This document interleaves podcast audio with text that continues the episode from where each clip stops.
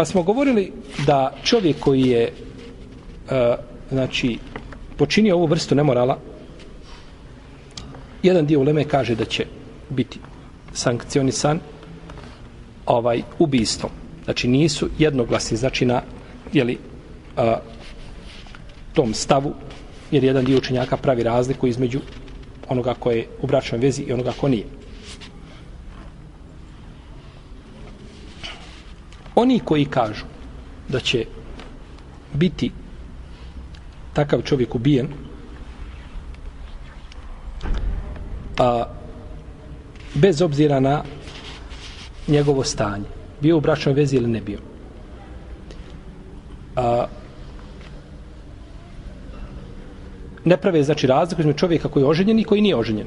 Dok to počini, shodno hadisu poslanika sa osram koji nije napravio razliku, treba ga znači pogubiti Jer je učinio znači nemoral jedan, znači i drugi su učinili nemoral.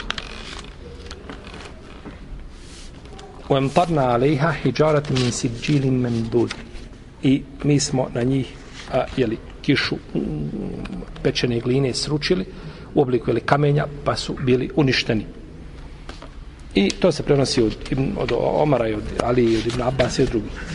Međutim, ashabi kada je u pitanju ova stvar, oni imaju različite mišljenja po pitanju, znači načina pogubljenja tog čovjeka.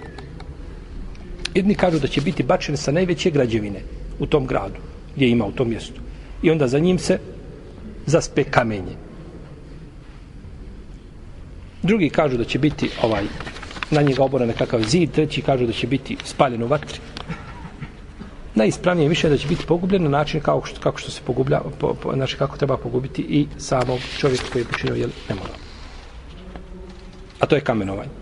Jer za ovo nema, znači, argumenata, pa se ne mogu, znači, prihvatiti. A ono što je došlo, došlo, znači, argumenti po pitanju, jeli, pogubljenja kamenovanja.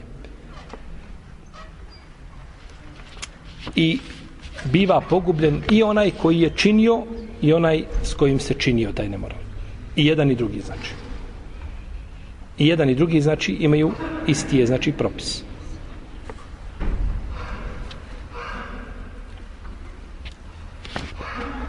Ako su znači punoljetni.